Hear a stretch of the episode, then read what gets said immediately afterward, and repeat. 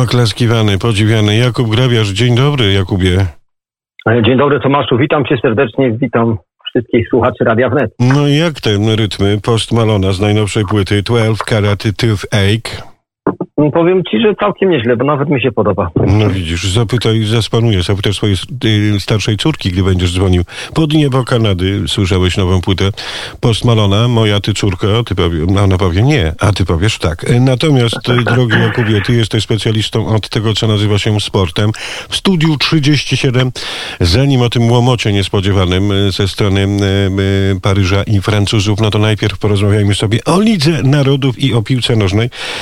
Nie będę cię pytał o impresję, refleksję, interpretację, nawiązania a propos występów naszej jedenastki, no bo cóż, każdy widział, no jeżeli męczymy się z drugim i pół, no nawet trzecim garniturem Walijczyków, którzy potęgą piłkarską nie jest, to nie jest Brazylia, czy nawet Holandia, Belgia, nasi koledzy mm, z grupy, no to o czym tutaj mowa. Ale skupmy się na przyszłości, bo mm, do odważnych świat należy i marzycieli, co też wydarzyło się, jeżeli chodzi o nasze wyspiarskie historie, Kubuś. No, no tak, bo my skupiamy się przede wszystkim na sporcie irlandzkim i to, co dzieje się tutaj na wyspie.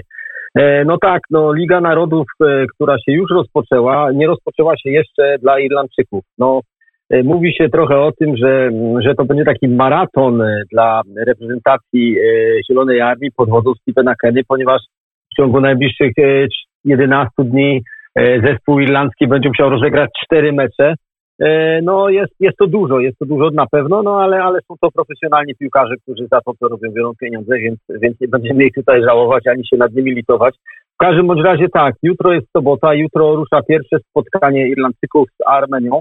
E, mecz ten będzie na wyjeździe w Jerewaniu, e, to będzie wieczorem jutro, więc no i tutaj jest wielki znak zapytania. A dlaczego? Dlatego, że jest zapowiadane 30 stopni i y, bardzo będzie duszno, czyli, czyli no dla y, irlandzkich piłkarzy i tutaj ludzi Tomaszu znamy. Tropiki, wiemy, jak, to jak, tropiki są.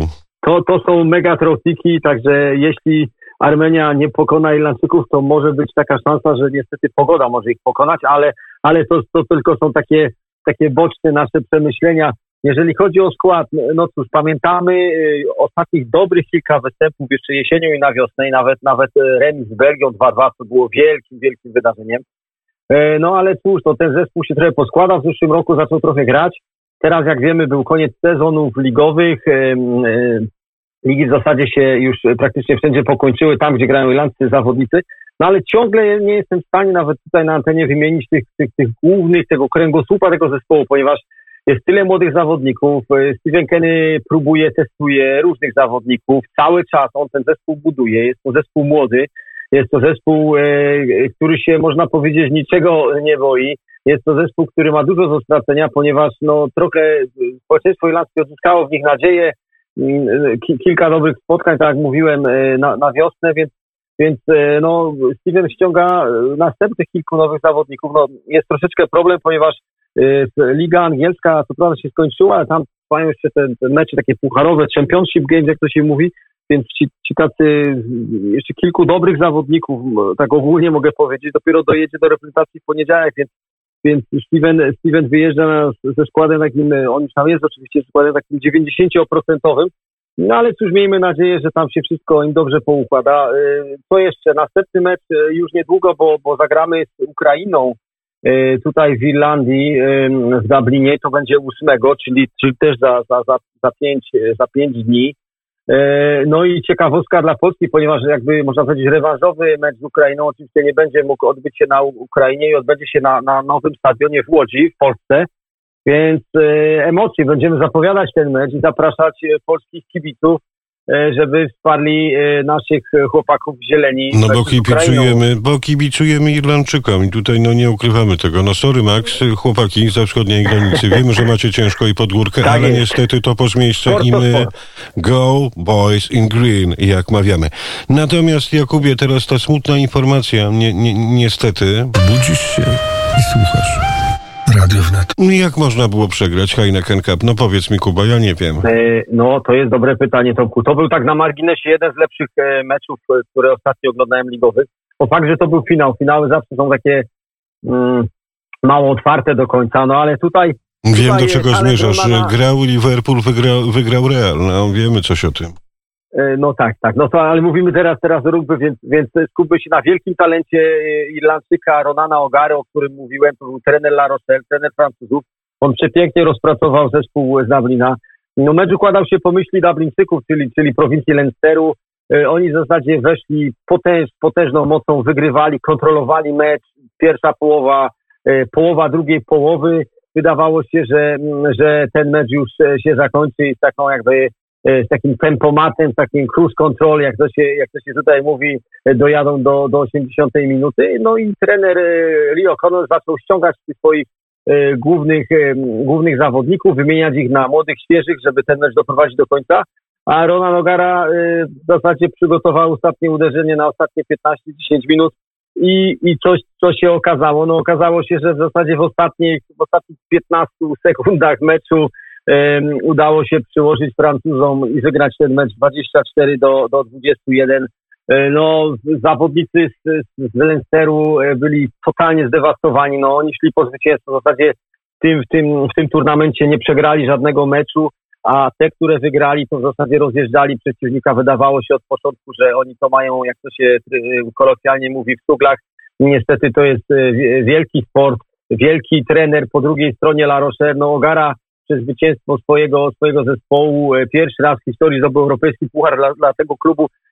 No jest teraz, można powiedzieć, topowym e, młodym trenerem w Europie w zasadzie, e, gdzie by tylko chciał, mógłby dostać posadę, bo bo tu chciałem też jeszcze zwrócić uwagę dla Państwa, że typ, typowy trener, coach, selekcjoner reprezentacji rugby to taki starszy pan e, o, wy, o, wyglądzie profesora, który jest niesamowitym strategiem, wygląda czasami jak szachista, bo, rugby na tym polega.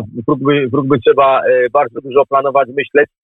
To, to, to, to oni, oni, ci trenerzy głównie tak wyglądają. Rzadko się zdarza, że przychodzi jakiś tak piłce nożnej czasami, że młody, młody, energiczny chłopak, trener, który tam grał jeszcze rok czy dwa lata temu, i, i, i zaczyna sterować różną, bo nie jest to takie proste. Trzeba zjeść zęby na tym, żeby być dobrym trenerem, a tu proszę, Ogara przychodzi i kilka lat e, po odwieszeniu butów zostaje, odnosi taki sukces, więc, więc wielkie święto dla irlandzkiego rugby można powiedzieć, no bo jest, jest to wychowanek tutejszych klubów, więc jest to przepiękny mecz. E, I tak jak mówię, no cieszymy się, rugby, rugby to jest tutaj wielki sport. No następne mecze tam jeszcze trwa, e, drugi turniej, o którym, o którym opowiem za tydzień. Y, także, także tam też jest jeszcze reprezentacja, tym razem Monsteru, prowincji Monster. Miejmy nadzieję, że dojdą do finału, ale to, to się zostawimy już na, na następny y, piątek. Tak mi się Dokładnie. Panie i panowie, Jakub Grabiarz, szef działu sportowego Studia 37. Radio Wnet, więcej niż radio. Panie i panowie, no teraz cóż, creme de la creme, nasza Iga Świątek już cztery lata temu, Jakubie, bo tyle współpracujemy sobie na antenie Radia Wnet, powiedzieliśmy sobie, ta dziewczyna wygra Rolanda Garosa.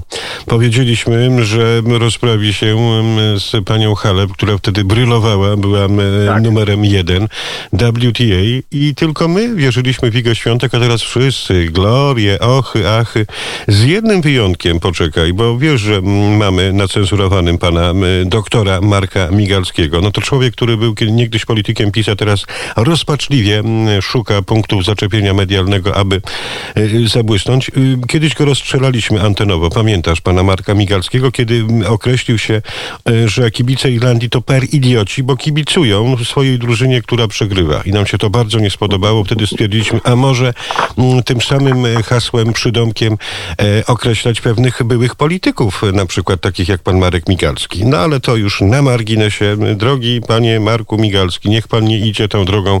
Jest pan uczonym człowiekiem, doktorem politologii. Można błyszczeć w inny sposób, a nie mówić właśnie takie rzeczy, które nie podobają się kibicom. Natomiast nasza, mm, e, powiem szczerze, e, mm, wiesz, co mi przychodzi na myśl, kiedy oglądam kolejne mecze naszej Igi, e, naszej pięknej panienki z Raszyna, nuda, tak jak kiedyś to było z Adamem Małyszem. Doskoczy Małysz, wygra, wiadomo.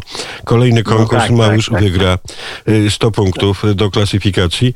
E, I ja się cieszę, bo ja nigdy nie myślałem, że za swojego życia, pamiętasz, kiedyś tak prywaciarsko podzieliłem się z tobą taką informacją, że Boże mój, chyba nie dożyję, że ktoś wygra, mm, e, nie wiem, jeden turniej Wielkiego Szlema, a potem okazało się, że jest Iga Świątek, no i to marzenie się spełniło. Opowiedz o twoich refleksjach przed tym y, finałem, w którym myślę sobie, Coco Gauff to będzie kąśliwa e, i to będzie szorstka przyjaźń tenisowa, tak jak między Federerem a Djokovicem, ale to nie teraz, to za rok, dwa mniej więcej, jak Coco Gauff, niezwykła nastolatka, rocznik 2004, trochę się e, kobieco-sportowo rozpakuje, mm, e, ale No tak. cóż, ten finał będzie pasjonujący, ale myślę, że Iga zwycięży.